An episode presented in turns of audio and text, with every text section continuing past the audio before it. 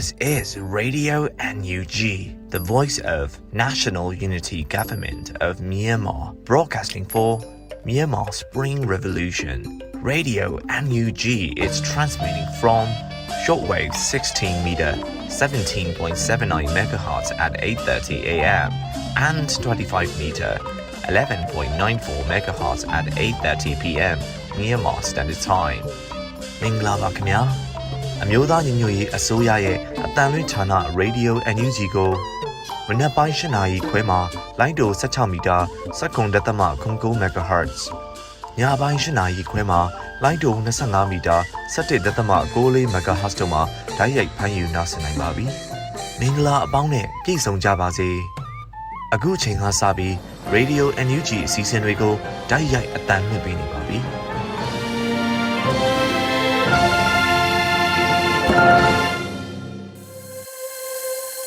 မြန်မာနိုင်ငံသူနိုင်ငံသားအပေါင်းတဘာဝပေးဆရာနာရှင်ပေတို့ကနေကင်းဝေးပြီးကိုစိတ်နှစ်ပါးဘေးကင်းလုံခြုံကြပါစေလို့ရေဒီယိုအန်ယူဂျီဖွယ်သားများကနေဆုတောင်းမြတ်တာပို့သလာရပါတယ်ရှင်။အခုချိန်ကစပြီးရေဒီယိုအန်ယူဂျီရဲ့စီးသတင်းကောက်မှုချက်တွေကိုတော့နှွေဦးမောင်ကဖတ်ကြားတင်ပြပေးပါရမရှင်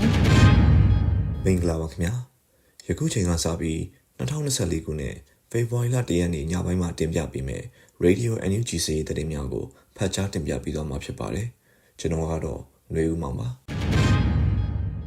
85နှစ်မြောက်ကရင်ဒေါ်လာရင်းနေ့အခမ်းအနားပြီးချိန်တွင်စစ်တပ်ကလေကြောင်းမှတိုက်ခတ်ခဲ့တဲ့တဲ့တင်ကိုတင်ဆက်ပေးပါမယ်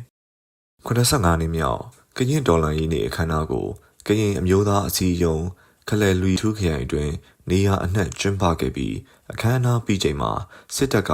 လေကြောင်းတိုက်ခတ်မှုတွေလုပ်ခဲ့တယ်လို့ KNU ဗဟိုကထုတ်ပြန်ပါတယ်။ဇန်နဝါရီလ31ရက်နေ့မှာကြာရောက်တဲ့85နှစ်မြောက် ကရင်ဒေါ်လာရင်းနေ့အခမ်းအနားကိုခလဲလူထူးခရိုင်မှာနေရာအနှံ့ကျင်းပခဲ့ရမှာခရိုင်မြို့နယ်တရင်တပ်ဖွဲ့တွေကခေါင်းဆောင်တွေအပါအဝင်ခြေရွာဒေသခံပြည်သူလူထုလည်းတက်ရောက်ခဲ့တယ်လို့ဆိုပါတယ်။အခမ်းအနားပြီးချိန်မုံလွဲတနာရီခွဲခန့်အချိန်မှာအကြမ်းဖက်စစ်တပ်ကလေတိုမြို့နယ်ကကွီလာကြီးရွာစောထီမြို့နယ်ကထီဝါထာကြီးရွာကို Jet Fighter နှစ်စင်းနဲ့လာရောက်ပစ်ခတ်ခဲ့တာလို့သိရပါတယ်။အဲ့ဒီလိုတိုက်ခတ်ခဲ့ရမှာ Jet Fighter တစ်စင်းက အော်လီကန်နဲ့လှည့်ပတ်ပစ်ခတ်ခဲ့ပြီးတစ်စင်းကဘုံတွေကျဲချခဲ့တာလို့ပြောပါတယ်။ထို့သောပစ်ခတ်မှုကြောင့်ကွီလာကြီးရွာကအစီကန်စီကံကထမင်းစားရုံတစ်ခုနဲ့တန့်စင်ကန်တစ်ခုပျက်စီးခဲ့ပြီးထီဝါထားကြီးရွာကအိမ်နှလုံးပျက်စီးကဝတ်တကောင်သေဆုံးခဲ့တယ်လို့ KNU ဗဟိုကထုတ်ပြန်ထားပါတယ်ခင်ဗျာဆက်လက်ပြီးမြောက်ဦးအခြေဆိုင်ခမရ940တန်ရင်ကိုရခိုင်တပ်တော် AA ကတင်ပိုက်ခဲ့တဲ့တဲ့တင်ကိုတင်ဆက်ပေးပါမယ် ရခိုင်ပြည်နယ်မြောက်ဦးမြို့မှာအခြေစိုက်တဲ့စစ်ကောင်စီလက်အောက်ခံခမရ940တန်ရင်တစ်ခုလုံးတိုက်ခိုက်သိမ်းပိုက်ရရှိထားပြီးလို့ရခိုင်တပ်တော် AA ကဖေဖော်ဝါရီလ1ရက်နေ့မနက်အစောပိုင်းမှာထုတ်ပြန်ကြေညာလိုက်ပါတယ်။မြောက်ဦးမြို့မှာအခြေစိုက်တဲ့စစ်ကောင်စီလက်အောက်ခံတရင်တွေတဲကခမရ940တရင်တစ်ခုလုံးကိုဇန်နဝါရီလ30ရက်နေ့ည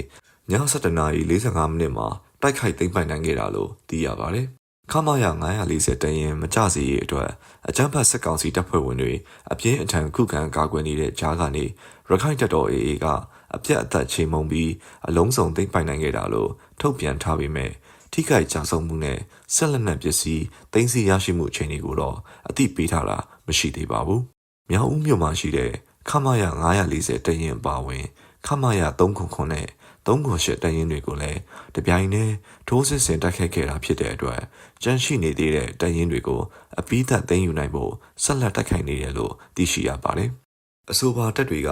ကမ္ဘာအမွေနဲ့ရခိုင်အမွေနှစ်တွေကိုနှစ်ရှည်လာများခိုးယူလူရက်ဖျက်ဆီးခဲ့ပြီးလက်နက်ကြီးတွေနဲ့ရည်ရွယ်ချက်ရှိရှိပြစ်ခတ်တိုက်ခိုက်ခဲ့ကမြောက်ဦးမြို့မီးလောင်ပြကြအောင်လှုပ်ဆောင်နေတဲ့တပ်တွေလို့ရခိုင်တပ်တော် AA ကထုတ်ပြန်ထားပါတယ်ခင်ဗျာဆက်လက်ပြီး ရခိုင်ပြည်နယ်ပုံနာကျွန်းတွင်တိုက်ပွဲများစတင်ဖြစ်ပွားစစ်တပ်ကကုန်းချောင်းရေချောင်းလေချောင်းမှလက်နက်ကြီးများဖြင့်ပစ်ခတ်ခဲ့တဲ့တဲ့တင်ကိုတင်ဆက်ပေးပါမယ်ရခိုင်ပြည်နယ်တဲကပုံနာကျွန်းမြို့နယ်မှာဇန်နဝါရီလ31ရက်နေ့မနက်ပိုင်းကစပြီးတိုက်ပွဲများဖြစ်ခဲ့ရာစစ်တပ်ကကုန်းချောင်းရေချောင်းလေချောင်းကနေလက်နက်ကြီးများဖြင့်ပစ်ခတ်တိုက်ခိုက်ခဲ့တယ်လို့ညီနောင်မဟာမိတ်သုံးဘက်ကထုတ်ပြန်ပါတယ် 2029စစ်စင်ရေး69ရက်မြောက်တိုက်ပွဲသတင်းများထုတ်ပြန်ရမှာညီနောင်မဟာမိတ်သုံးဘက်ကအသိပေးလိုက်တာဖြစ်ပါတယ်ဇန်နဝါရီလ31ရက်နေ့မနက်9:00နာရီခွဲခန့်အချိန်ကရခိုင်ပြည်ပုံနှားကျွန်းမြို့နယ်အောင်စီရရွာနယ်အောင်မြေကုန်းရွာကြားမှာရခိုင်တပ်တော် AA နဲ့အကြမ်းဖက်စစ်ကောင်စီတို့တနာရီခန့်နှစ်ဖက်အပြန်အလှန်ထိထွေတိုက်ခတ်မှုဖြစ်ခဲ့တယ်လို့သိရပါတယ်။အဆိုပါအပြန်အလှန်ပြစ်ခတ်တိုက်ခတ်မှုအတွင်းစစ်တပ်က လေကြောင်းလက်နက်ကြီးပစ်ကူအမြောက်အများကိုတုံးပြီးနောက်ဆုတ်သွားသောကြောင့်တိုက်ပွဲဆက်မဖြစ်ဘဲရပ်တန့်နေခဲ့တယ်လို့ပြောပါတယ်။အဆိုပါတိုက်ပွဲမှာရခိုင်တပ်တော်ဘက်ကအလက်စားတန်ရာရသူတို့ရှိခဲ့ပြီးစစ်ကောင်စီဘက်ကထိခိုက်ကြဆုံးမှုကိုမသိရသေးဘူးလို့အသိပေးထားပါတယ်။ထို့အပြင်မင်းကန်ကျောင်းမှာရှိနေတဲ့အချမ်းဖတ်စစ်ကောင်စီရဲ့ Navy သင်္ဘောမှတပ်ဖွဲ့ဝင်တွေကလည်းပုံနာကျွမြို့နယ်စားကုံပုတ်ကြီးပါကို မနက်၈နာရီခန့်အချိန်မှာဝင်ရောက်လာခဲ့ပြီးရည်ရွယ်ချက်ရှိရှိဖြင့်ရွာလုံးကျွတ်မီးရှို့ဖျက်ဆီးခဲ့ကြတယ်လို့ဆိုပါတယ်။အလားတူစစ်ကောင်စီရဲ့စစ်တွေအခြေဆိုင်အမတ်စနစ်ရဲ့တရင်နဲ့ Navy တို့ကလည်းစားကုံပုတ်ကြီးပါအနီးတစ်ဝိုက်ကိုမွန်တက်12နာရီအချိန်ခန့်အထိလက်နက်ကြီးအလုံးရေ100ကျော်နဲ့ပစ်ခတ်တိုက်ခိုက်ခဲ့တယ်လို့သိရပါတယ်။ရခိုင်ပြည်နယ်အတွင်းတိုက်ပွဲတွေပြင်းထန်နေရာမြောက်ဦးမင်းပြားကြောက်တော် ရတိတ်တောင်နဲ့ရမ်းပြဲမြို့နယ်တို့မှာလည်းစစ်ကောင်စီနဲ့ရခိုင်တပ်တော် AA တို့ကြားတိုက်ပွဲများဆက်ရှိနေဆဲဖြစ်တယ်လို့ညီနောင်မဟာမိတ်သုံးဘက်ကထုတ်ပြန်ထားပါတယ်ခင်ဗျာဆက်လက်ပြီးမုံရွာနယ်တောပူရွာရှိဖြူစောတိကင်းပုံများကိုလက်နက်ကြီးများဖြင့်တိုက်ခိုက်ခဲ့တဲ့တဲ့တင်ကိုတင်ဆက်ပေးပါမယ်။စကိုင်းတိုင်းမုံရွာမြို့နယ်ကဖြူစောတိအားကောင်းရာရွာတရွာဖြစ်တဲ့တောပူရွာအတွင်းနဲ့ ကင်းပုံတွေရှိရာနေရာတွေကို short type rocket တွေအပါအဝင်လက်နက်ကြီးတွေနဲ့ပစ်ခတ်တိုက်ခိုက်ခဲ့တယ်လို့ Area 71 PDF မုံရွာကဖေဖော်ဝါရီလ1ရက်နေ့မှာထုတ်ပြန်ပါတယ်။ဇန်နဝါရီလ31ရက်နေ့ည9:00နာရီခန့်အချိန်မှာဒေါ်လန်ရေးအင်အားစုတွေပူးပေါင်းပြီးတောပူရွာအတွင်းနဲ့တောပူရွာကကင်းပုံတွေရှိရာနေရာတွေကို short type rocket အလုံး20လက်လုံတာဝေးပြည့်60မမ24လုံးအသုံးပြုတိုက်ခိုက်ခဲ့တယ်လို့ဆိုပါတယ်။ တိုက်ခိုက်ချိန်အတွင်းမှာတောပူရွာမှာရှိတဲ့ကင်းပုံးဝင်နေသူတွေဘက်ကလည်း60မမအပါအဝင်လက်နက်ငယ်တွေနဲ့ပြန်လည်ပစ်ခတ်ခဲ့တယ်လို့ပြောပါတယ်။ကင်းပုံးဝက်ပြူတွေကပြန်လည်ပစ်ခတ်ခဲ့တာကြောင့်ဒေါ်လာရေးအင်အားစုတွေနဲ့အပြန်အလှန်ပစ်ခတ်တဲ့တိုက်ပွဲဖြစ်ခဲ့တယ်လို့သိရပါတယ်။ဒေါ်လာရေးအင်အားစုတွေဘက်ကဒရဇက်ပစ်ခတ်မှုကြောင့်ဆုတ်ခွာသွားတဲ့ကင်းပုံးဝက်ပြူစောထီတွေကိုတာဝေးပစ်လက်နက်ကြီးတွေနဲ့ထပ်မံတိုက်ခိုက်ခဲ့တာအချိန်တနာရီဝန်းကျင်ကြာတယ်လို့သိရပါတယ်။ အဆိုပါတိုက်ခိုက်မှုကို Area 71 PDF မုံရွာအဖွဲ့နဲ့အတူ Brave Heart Army BHA မုံရွာ Special Data J Black Hero Local PDF Youth Figure Revolution Force တို့ပူးပေါင်းလုပ်ခဲ့တာဖြစ်ပြီးဒေါ်လာရေးအင်အားစုဘက်ကရဲဘော်တွေအထီးခိုက်မရှိပဲတပ်ဆိုင်ရာနေရာတွေကိုပြန်လည်ရောက်ရှိလာတယ်လို့သိရပါတယ်ခင်ဗျာဆက်လက်ပြီးနောက်ဆုံးသတင်းအနေနဲ့ချင်းပြည်နယ် ဒါရီဒေသအတွင်းအကြမ်းဖက်စစ်တပ်ရဲ့အရာရှိအပါအဝင်စုစုပေါင်း15ဦးဖမ်းဆီးရမိကဒဏ်ရာရလာသူများကို CDF တိုင်းမှာစေကုသမှုများလုပ်ပေးခဲ့တဲ့တဲ့တင်ကိုတင်ဆက်ပေးပါမယ်။ချင်းပြည်နယ်ဒိုင်ဒေသအတွင်းအကြမ်းဖက်စစ်တပ်ရဲ့အရာရှိအပါအဝင်စုစုပေါင်း15ဦးဖမ်းဆီးရမိကဒဏ်ရာရလာသူများကို CDF တိုင်းမှာစေကုသမှုများလုပ်ပေးခဲ့ပါတယ်။အကြမ်းဖက်စစ်ကောင်စီတမ17ခမာယာ1ခွန်ခမာယာ3ခွန်6ခမာယာ938 ခမရ220ခမရ119ခမရ38ခမရ989နဲ့ခမရ908တို့မှထွက်ပြေးလာသောသုံးပွင့်ဘိုးကြီးအဆင့်တအူးနှစ်ပွင့်ဘိုးအဆင့်တအူးနဲ့ထောင်လန်းရေးအရာရှိ IO တအူးအပါအဝင်အကြက်ရဲဘော်စုစုပေါင်း15ဦးကိုဇန်နဝါရီလ30ရက်နေ့တွင် CDF တိုင်းမှဒိုင်းဒေတာအတွင်း၌ဖမ်းဆီးရမိခဲ့တယ်လို့အတည်ပြုပါတယ်။ ဖမ်းဆီးရမိသောအကြမ်းဖက်စစ်ကောင်စီတပ်သားများတွင် အပြင်းထန်ဒဏ်ရာ3ဦးနှင့်တာမန်ဒဏ်ရာ2ဦးတို့ကို CDF တိုင်မှစေကုသမှုများပြုလုပ်ပြီးကကောင်းမွန်စွာထိန်းသိမ်းထားပြီးနိုင်ငံတကာစစ်ပတ်ဆိုင်ရာဥပဒေဂျနီဗာကွန်ဗင်းရှင်းနဲ့အညီဆက်လက်ဆောင်ရွက်နေလျက်ရှိတယ်လို့ဆိုပါတယ်။ CDF တိုင်အနေနဲ့ဒိုင်ဒေသအတွင်းနယ်မြေရှင်းလင်းရေးလုပ်ငန်းများဆက်လက်ဆောင်ရွက်သွားမည်ဖြစ်ပါသဖြင့်ရေချောင်းဖြစ်သွားလာခြင်းနဲ့ကုန်စည်ရောင်းဝယ်မှုများကိုဖေဖော်ဝါရီလ၁ရက်နေ့မှ၄ရက်နေ့အထိလုံးဝမပြုလုပ်ကြရန်အသိပေးထုတ်ပြန်ထားပါတယ်။ ယခုတင်ပြပေးခဲ့တဲ့စည်ရေးသတင်းတွေကိုတော့ Radio NUG သတင်းတောက်မင်းတီဟန်နဲ့ကိုခန့်တို့မှပေးပို့ပေးထားတာဖြစ်ပါတယ်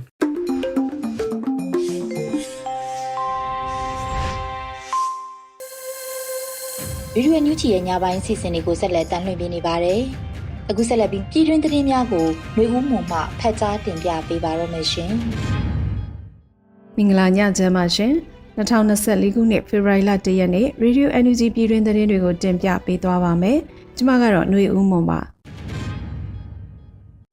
သွင်ကူပြောင်းရေးကာလဖွဲ့စည်းပုံအခြေခံဥပဒေအမြန်ဆုံးရေးဆွဲပြဋ္ဌာန်းရန်ဂျာယီသမရတိုက်တွန်းတဲ့သတင်းကိုတင်ပြပေးပါမယ်သွေးကူးပြောင်းကာလဖွဲ့စည်းပုံအခြေခံဥပဒေအမြန်ဆုံးရေးဆွဲပြဋ္ဌာန်းရန်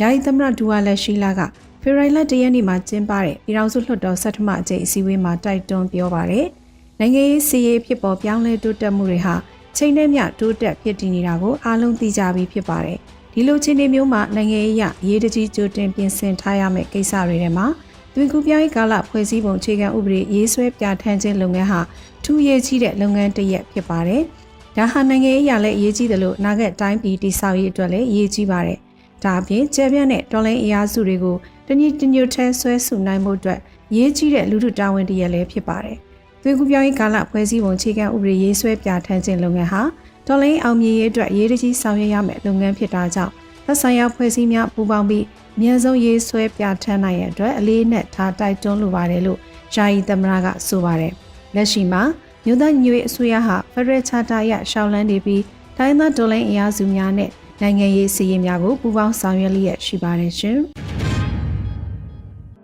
စစ်ကောင်စီဟာအချိန်ဆွဲသွေးခွဲတဲ့နီလန်းကိုလည်းသုံးမှာဖြစ်ပြီးတော်လိုင်းအင်အားစုများအနေနဲ့မတူဝေပဲတော်လိုင်းရေးကိုချီတက်ကြဖို့ဖြစ်တယ်လို့ပြည်ထောင်စုဝန်ကြီးချုပ်ပြောကြားလိုက်တဲ့သတင်းကိုလည်းတင်ပြပေးပါမယ်။စစ်ကောင်စီဟာအချိန်ဆွဲသွေးခွဲတဲ့နီလန်းကိုလည်းသုံးမှာဖြစ်ပြီးတော့တော်လိုင်းအင်အားစုများအနေနဲ့မတူဝေပဲတော်လိုင်းရေးကိုချီတက်ကြဖို့ဖြစ်တယ်လို့ပြည်ထောင်စုဝန်ကြီးချုပ်မန်ဝင်းခိုင်တန်းကဖေဖော်ဝါရီလရက်နေ့မှာကျင်းပတဲ့ပြည်ထောင်စုလွှတ်တော်ဆက်ထမအကြိမ်စည်းဝေးမှာပြောကြားခဲ့ပါတယ်။စစ်ကောင်စီဟာအချိန်ဆွဲတဲ့နီလန်းကိုသုံးမှာဖြစ်ပါတယ်။ သွေးခွဲတဲ့နီလန်းကိုလည်းသုံးမှာဖြစ်ပါတယ်။ရေးကြည့်တာကျွန်တော်တို့တွေမတူဝေပဲချီတက်ကြဖို့ဖြစ်ပါတယ်။ဒါကြောင့်2024ခုနှစ်စစ်ကောင်စီကိုအပြီးတိုင်ချိန်မုံမဲ့နှစ်မှာကျွန်တော်တို့အစ်စ်လက်ပြီးမဟာမိတ်များပုံမအင်အားကောင်းလာရေးဒေါ်လာရေးအတွက်ရည်မှတ်ချင်းတူရည်ရွယ်ချက်ချင်းတူတဲ့အင်အားစုတွေနဲ့ချိတ်ဆက်ဆောင်ရွက်နိုင်ရေးစစ်မှန်တဲ့ Federal Democracy ပြည်ထောင်စုအတွက်အခြေခံအုပ်မြင့်များတည်ဆောက်နိုင်ရေးအသွင်ကူးပြောင်းရေးကာလကိုချောမွေ့စွာရောက်ရှိပြီးကျူးလွန်ခံရသူများကိုတရားမျှတမှုအတွက်ပြန်လည်ကူစားနိုင်ရေး တရားစီရင်နိုင်ရေးတို့ကိုစူးစမ်းဆောင်ရွက်သွားမယ်ဆိုတာလည်းခရီးပြုပြောကြားလိုပါတယ်လို့ဆိုပါတယ်။ဒါအပြင်နွေဦးတော်လေးဟာအောင်ပွဲနဲ့နီးကပ်နေပြီးစစ်ကောင်စီဟာနောက်ဆုံးထွက်သက်ကိုရောက်ရှိနေပြီလို့လည်းဝန်ကြီးချုပ်ကထပ်လောင်းပြောပါတယ်ရှင်။တွင်ကူပြောင်းရေးကာလဖွဲ့စည်းပုံအခြေခံဥပဒေကိုလည်း2024ခုနှစ်အတွက်မြန်ဆုံးပြီးမြောက်အောင်ကြိုးပမ်းဆောင်ရွက်သွားမယ်လို့ NUCC ကြေညာတဲ့သတင်းကိုဆက်လက်တင်ပြပေးပါမယ်။ တွင်ကူပြောင်းရေးကာလဖွဲ့စည်းပုံအခြေခံဥပဒေကိုလည်း2024ခုနှစ်အတွက်အမြန်ဆုံးပြီးမြောက်အောင်ကြိုးပမ်းဆောင်ရွက်သွားမယ်လို့ NUCC ကကြေညာလိုက်ပါတယ်။ဖေဖော်ဝါရီလ1ရက်မြို့ဒေါ်လာ3နှစ်ပြည့်မြို့သားညီညွတ်ရေးအတိုင်းအမြံကောင်စီ NUCC ရဲ့နိုင်ငံရေးသဘောထားကြေညာချက်မှာဖော်ပြပါရှိပါတယ်။မြို့သားညီညွတ်ရေးအတိုင်းအမြံကောင်စီ NUCC တွေဒုတိယကြိမ်ပြည်သူညီလာခံကို2024ခုနှစ်မလအတွင်းကျင်းပရန်ရာထားပြီး လူဒလိန်အမြန်ဆုံးအောင်မြင်နိုင်ရဲ့မူဝါဒမဟာဗျူဟာနဲ့လုပ်ငန်းစဉ်များကိုဆွေးနွေးအတည်ပြုကြမှာဖြစ်တယ်လို့ဖော်ပြပါဗျ။ဒါအပြင်မြို့သားညီညွတ်ရေးအထက်မငယ်ကောင်စီ NUCC အနေနဲ့ဒေါ်လင်းရှိန်ဟုန်နဲ့တူဒေါ်လင်းအင်အားစုတည်တည်နဲ့ပုံမခိုင်မာသောဘုံနိုင်ငံရေးသဘောတူညီချက်တည်းရရှိရေးဆက်လက်ကြိုးပမ်းဆောင်ရွက်သွားမှာဖြစ်ပြီးတွင်ကူပြောင်းကာလဆိုင်ရာအစီအမံများနဲ့တွင်ကူပြောင်းကာလဖွဲ့စည်းပုံအခြေခံဥပဒေကိုလည်း2024ခုနှစ်အတွက်အမြန်ဆုံးပြီးမြောက်အောင်ကြိုးပမ်းဆောင်ရွက်သွားမှာဖြစ်တယ်လို့ဆိုပါတယ်။ အိန္ဒိယနိုင်ငံများဖြစ်တဲ့အိန္ဒိယ၊တရုတ်၊ထိုင်းနိုင်ငံပါဝင်အာဆီယံနိုင်ငံများနဲ့နိုင်ငံတကာအစိုးရများအနေနဲ့လက်ရှိစီးရေးနိုင်ငံရေးဖြစ်ပေါ်ပြောင်းလဲမှုတွေကိုပြန်လည်သုံးသပ်ပြီးမြမရေးချင်းကပ်မှုများတွေမူဝါဒပြောင်းလဲကြရန်မြို့သားညီညွတ်ရေးအတိုင်းအမြံကောင်စီ NUCC ကလေးနက်တိုက်တွန်းထားပါတယ်ရှင်။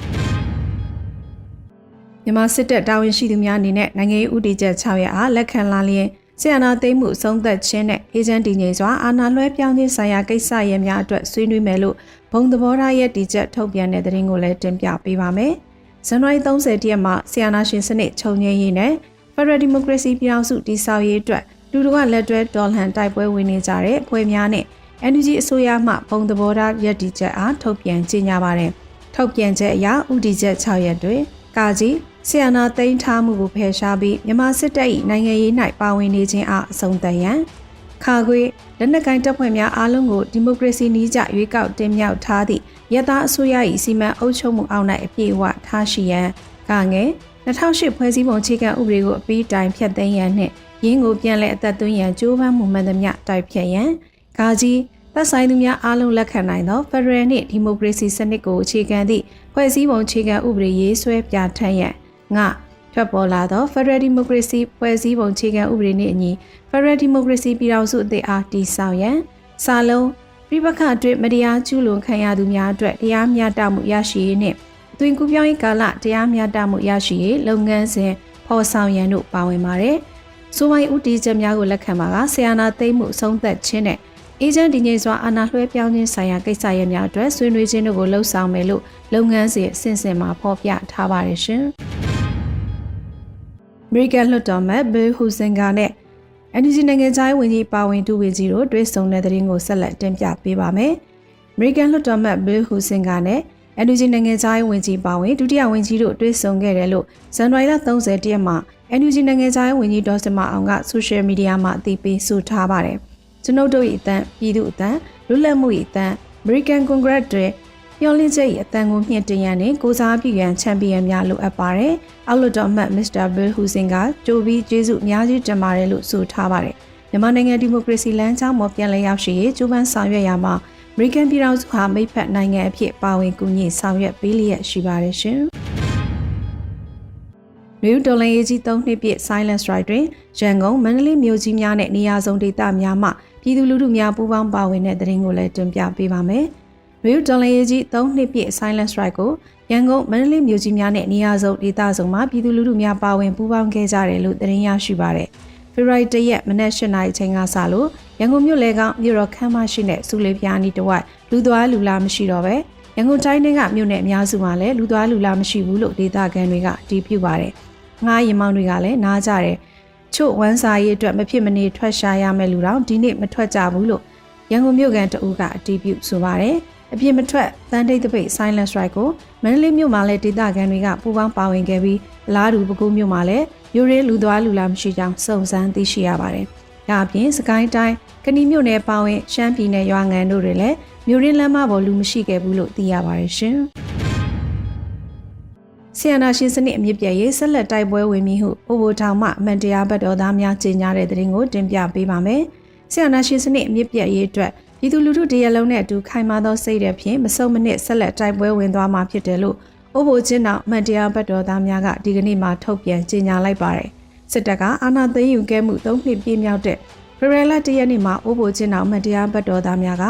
အိုဘိုချင်းညာစာရန်ထုတ်ပြန်ပြီးကြေညာလိုက်တာဖြစ်ပါတယ်။ ဥပဒေညာစာတမ်းမှာစစ်တပ်က၎င်းတို့ရဲ့ကိုကျိုးစည်းဝါးအတွက်မြမပြည်သူတရလုံးရဲ့သဘောထားဆန္ဒကိုဆန့်ကျင်ပြီးတင်းအာရမအာနာသိမ်းယူခဲ့မှု၃နှစ်ပြည့်အထိမ်းအမှတ်ဖြစ်ထုတ်ပြန်လိုက်တာလို့ဖော်ပြထားပါတယ်။မြမပြည်သူလူထုတရလုံးပေါ်ဤမျိုးစုံတဲ့ဖိနှိပ်ချုပ်ချယ်ပြီးလူခွင့်ရေးချိုးဖောက်မှုတွေကိုအကြိမ်ကြိမ်ကျူးလွန်ခဲ့တဲ့ဂျမစစ်တပ်နဲ့၎င်းတို့ရဲ့လက်ပါစီများလက်ဝေခံများကိုပြင်းပြင်းထန်ထန်ဆန့်ကျင်ကန့်ကွက်လိုက်ကြောင်းလည်းအသိပေးထားပါတယ်။ထို့ကြောင့်ဆီယနာရှင်စနစ်အမြင့်ပြည့်ရဲ့အတွက်ပြည်သူလူထုတရလုံးနဲ့အတူ ခိုင်ကျင်သောစိတ်ဓာတ်ဖြင့်မဆုတ်မနစ်ဆက်လက်တိုက်ပွဲဝင်သွားမှာဖြစ်တယ်လို့ဥပ္ပိုလ်ချင်းတော်အမတ်တရားဘတ်တော်သားများကဆိုပါတယ်။ဒါအပြင်ဆီယနာရှင်စနစ်ချုပ်ငြိမ်းပြီးနောက်မြန်မာပြည်သူလူထုတရားလုံးရဲ့သဘောထားဆန္ဒနဲ့အညီဖက်ဒရယ်ဒီမိုကရေစီရေးအာမခံချက်ပေးနိုင်တဲ့ဖွဲ့စည်းအုပ်ချုပ်ပုံအခြေခံဥပဒေသစ်တရက်ရေးဆွဲအတည်ပြုပြဋ္ဌာန်းပြီးငင်းကျန်းသားရဖွံ့ဖြိုးတဲ့နိုင်ငံတော်ကြီးတည်ဆောက်နိုင်ရေးအမျှော်မြင်ရှိရှိသဘောထားကြီးကြီးစီစီလုံးလုံးညီညီညွတ်ညွတ်လက်တွဲဖော်ဆောင်ကြဖို့သက်ဆိုင်သူအားလုံးကိုလည်းတိုက်တွန်းထားပါတယ်ရှင်။ ထိုင်းနိုင်ငံဘန်ကောက်ရှိကုလသမဂ္ဂယုံရှိမြန်မာနိုင်ငံသားများဆန္ဒပြတဲ့တဲ့ရင်ကိုတင်ပြပေးပါဦးမယ်။ဖေဖော်ဝါရီလ၁ရက်နေ့မနက်ပိုင်းမှာထိုင်းနိုင်ငံဘန်ကောက်မြို့ရှိကုလသမဂ္ဂယုံရှိမှာမြန်မာနိုင်ငံသားများကဆီယနာသိမ်းမှု၃နှစ်ပြည့်မြန်မာဆီယနာရှင်စနစ်ခြေမုံရေးအတွက်ဆန္ဒထုတ်ဖော်ခဲ့တယ်လို့သတင်းရရှိပါတယ်။ဆိုပါဆန္ဒထုတ်ဖော်ပွဲသို့ထိုင်းရောက်မြန်မာအင်အားရာနဲ့ချီတက်ရောက်ခဲ့ကြပါတယ်။အဲဒီနောက်ဂျမန်စစ်တပ်ကိုစန့်ကျင်ကြောင်းဟောပြောကြွေးကြော်ခဲ့ကြပြီးမြန်မာနိုင်ငံသားများစီးလုံးညီညွတ်ရန်ပြောကြားခဲ့ကြပါတယ်ရှင်။ ခုတင်ပြခဲ့တဲ့သတင်းတွေကို Radio Energy သတင်းတောက်မင်းတီဟန်နဲ့ကိုခန့်တို့မှပေးပို့ထားတာဖြစ်ပါတယ်ရှင်။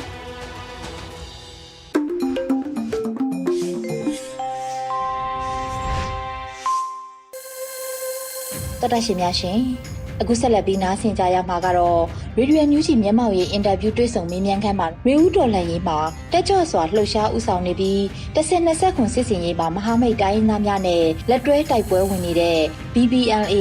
ဥဆောင်သူမောင်ဆောင်ခနဲ့ Airy ရဲ့မေးမြန်းတင်ဆက်မှုကိုနားဆင်ကြရတော့မှာဖြစ်ပါတယ်ရှင်။ ဟုတ်ကဲ့မင်္ဂလာပါရှင်ပထမဆုံးအနေနဲ့ပေါ့နော်ဒီနေဦးတော်လှန်ရဲ့တစ်တုံညနှစ်ခွန်စစ်စင်ရေးမှာ PPL လေးအနေနဲ့ပေါ့နော်ဒိုင်းသားညီနောင်မဟာမိတ်တွေနဲ့လက်တွဲတိုက်ပွဲဝင်နေရတဲ့အတွေ့အကြုံနဲ့တော့လက်ရှိရင်ဆိုင်နေရတာတွေကဘယ်လိုများရှိပါမလဲရှင်ကျွန်တော်တို့ဒီတစ်တုံညနှစ်ခွန်စစ်စင်ရေးကနေပြီးတော့အဓိက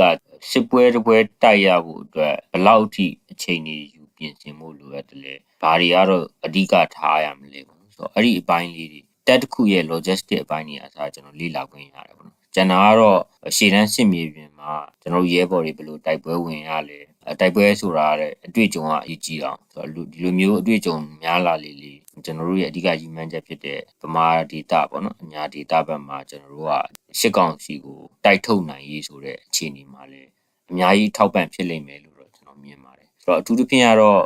အဲ့10နှစ်ခွန်လက်ရှိမှာလည်းဒါအ တိုင်းအတာတစ်ခုအထိပေါ့နော်ခီးရောက်ခဲ့ပြီဖြစ်တယ်ဆိုတော့ကျွန်တော်တို့ကဒီ10နှစ်ခွန်မှာရင်ကျွန်တော်တို့ဟိုအဆုံးမတက်သွားပဲပေါ့နော်ကျွန်တော်တို့ဒီဗမာအင်အားစုတွေအနေနဲ့လည်းဒါဗမာဒေတာတွေဒီထိုးဖောက်ဝင်ရောက်နိုင်မှုအတွက်ပေါ့နော်အခုကနေကနေပြီးတော့စနစ်တကျကြည်ကြည်လေးလေးဆွေးနွေးတိုင်ပင်ပြီးတော့ပြင်ဆင်ထားသင့်ပြီလို့တော့ကျွန်တော်ဘက်ကထင်ပါတယ်ခင်ဗျ ဟုတ်ကဲ့ပါခုလက်ရှိပေါ့နော်မြန်မာစစ်ကောင်စီနဲ့ဒီမြန်မာတပ်မတော်အနေနဲ့ရောဒါစစ်ရေးအရာပေါ့နော်ရှုံးနေနေပြီလို့သဘောထားလို့ရပါသလားဒါဆိုရင်ရောဒါတပ်မတော်သားတွေကိုဘယ်လိုမျိုးများပြောချင်ပါလဲရှင်လက်ရှိအချိန်မှာစစ်ကောင်စီဟာနိုင်ငံရေးအရာရောစီရေးအရာပါဖက်ဖက်ကရှုံးနေလာခဲ့ပြီဖြစ်ပါတယ်အခုစစ်ကောင်စီရဲ့လက်အောက်မှာအမှုထမ်းနေကြတဲ့လက်နက်ကင်တပ်ဖွဲ့ဝင်တွေအားလုံးကိုအထူးမြတ်တာရက်ခံလိုတာကလက်ရှိအခြေအနေအချိန်အခါကိုအခွင့်အရေးဖြစ်အသုံးချပြီးတော့ ကျွန်တော်တို့ဒီဒေါ်လန်ရေးမဟာမိတ်အင်အားစုတွေဘက်ကိုဗက်ပြောင်းလာဖို့အဓိကတိုက်တွန်းနှိုးဆော်ချင်တာဖြစ်ပါတယ်ကျွန်တော်တို့ဒီတပ်ဖွဲ့ဝင်တွေရဲ့မိသားစုတွေနောက်ဆွေစဉ်မျိုးဆက်ကလေးတွေရဲ့ဂုံတိတ်ခါအတွက်နောက်လာမယ့်အနာဂတ်နိုင်ငံတော်တက်မှာကိုမိသားစုဝင်တွေကိုယ့်ရဲ့သားစဉ်မြေဆက်ရဲ့ဂုံတိတ်ခါမျက်နာမငယ်ရအောင်ဂုံမငယ်ရအောင်အခုကနေရနေပြီးတော့စနစ်တကျတည်တည်ချာချာချင့်ချိန်တွေးခေါ်ပြီးတော့ကျွန်တော်တို့ဘက်မှာ ကျွန်တော်တို့စီမှာပေါ့နော်လက်နဲ့ချပြီးတော့အောင်ပွဲခံလိုက်ပါဂုံယူလိုက်ပါလို့ကျွန်တော်တို့အထူးတလဲတိုက်တွန်းပြောကြားချင်ပါတယ်ခင်ဗျဟုတ်ကဲ့ပါအခုပေါ့နော် BBL လေးအနေနဲ့ဆိုရင်ဒီ NUG MOD ပေါ့ PDF တွေနဲ့နောက်မဟာမိတ်တိုင်းသားအဖွဲ့တွေနဲ့ဆက်ဆံရေးတွေရောဘယ်လိုမျိုးထားရှိပါလဲရှင်ကျွန်တော်တို့ BBL လေးအနေနဲ့ကလက်ရှိအချိန်မှာတိုင်းရင်းသားဒေါ်လန်ရေးဖွဲ့စည်းတွေအားလုံးနဲ့အပြင်ကျွန်တော်တို့ဒီ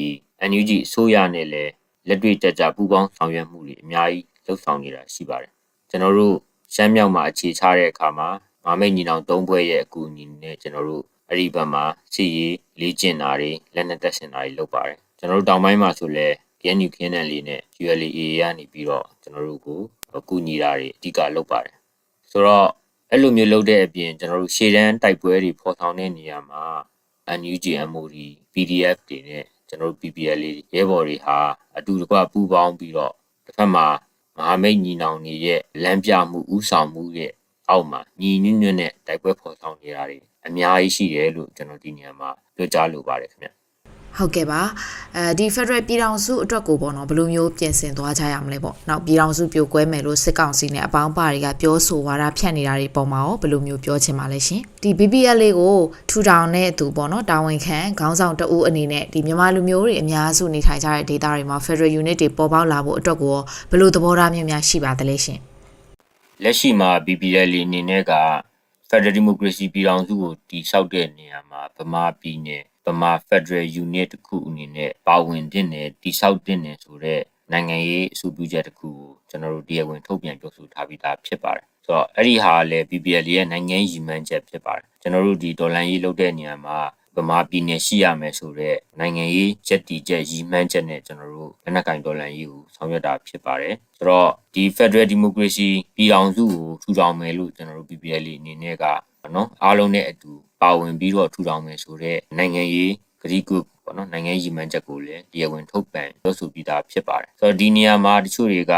ရှစ်ကောင်စီနဲ့အပေါင်းပါတွေဆိုရင်ပြည်တော်စုပြုတ်ကွဲမဲ့ပါညာပေါ့နော်အဲ့လိုမျိုးပုံစံနဲ့ဝါရဖြန့်ချီနေတာတွေကျွန်တော်တို့တွေ့ပါတယ်ဆိုတော့ပြည်တော်စုပြုတ်ကွဲမဲ့မပြုတ်ကွဲဘူးဆိုတဲ့ကိစ္စကတော့မန်ဆာရခက်တာပေါ့နော်ဘာလို့လဲဆိုတော့ဟောဒါဟာအားလုံးကကျွန်တော်တို့ coming together နဲ့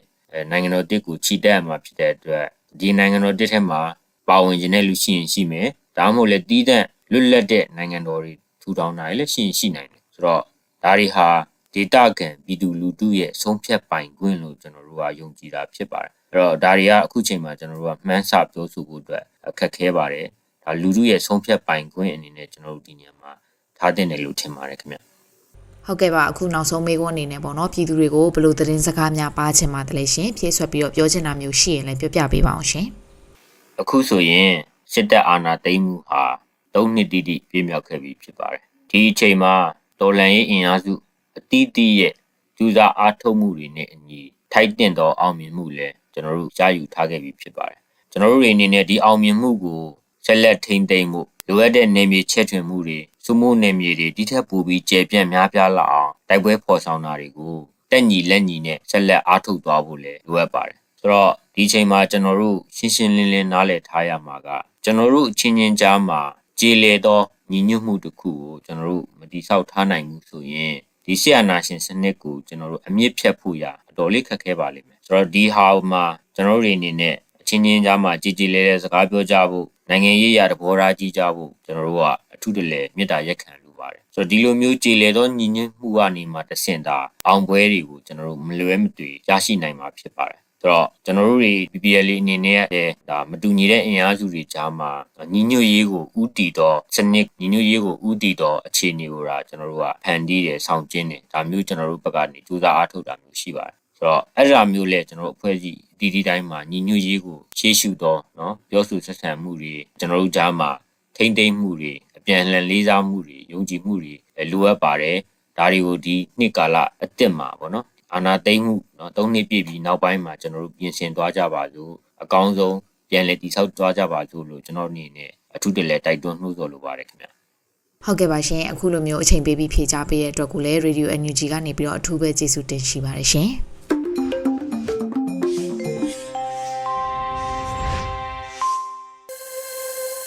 ဗီဒီယိုညူးချီရဲ့ညပိုင်းစီစဉ်တွေကိုဆက်လက်တင်ပြနေပါတယ်။အခုနောက်ဆုံးအနေနဲ့တော်လန်ရေးတီဂီတာစီစဉ်မှာတော့ KT ဖန်ရေးသားပြီးကော်ပိုလစ်တီဆိုထားတဲ့ဒီနေလို့အမည်ရတဲ့တော်လန်ရေးတီဂီတာကိုနားဆင်ကြရတော့မှာဖြစ်ပါတယ်ရှင်။ဒီနေ့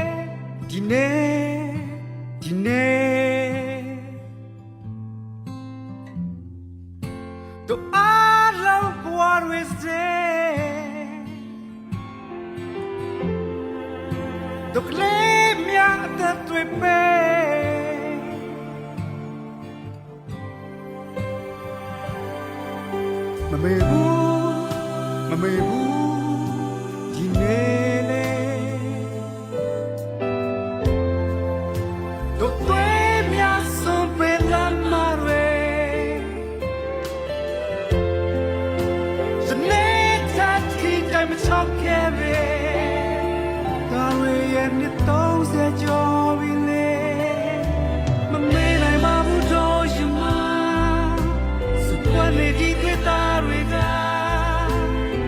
င်းတွေကြာခဲ့မနေပါလားဘဝဘဝတွေဘဝဘဝတွေအသက်သက်တွေစတဲ့စဲလေးဝိညာဉ်တွေကကောင်းရင်မဘယ်တော့မှမပြေဘူးတော့ချင်ဗျာတမိုင်းတောင်ဝင်မြဖုံးပေါ်မှာမဆောင်ဖဲပါနဲ့ထိုင်ရပါ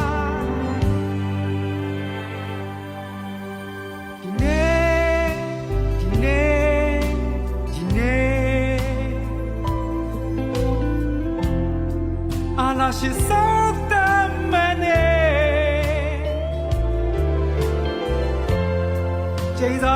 ိ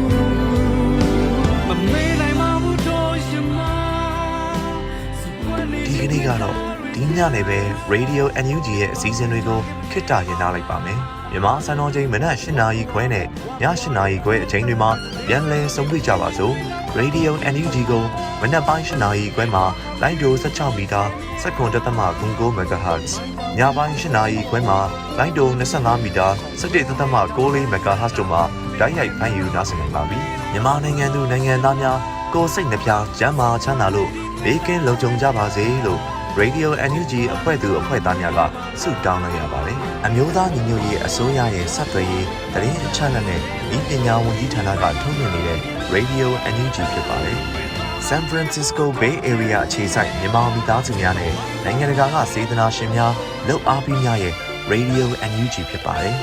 ။အရေးတော်ပုံအောင်ရမည်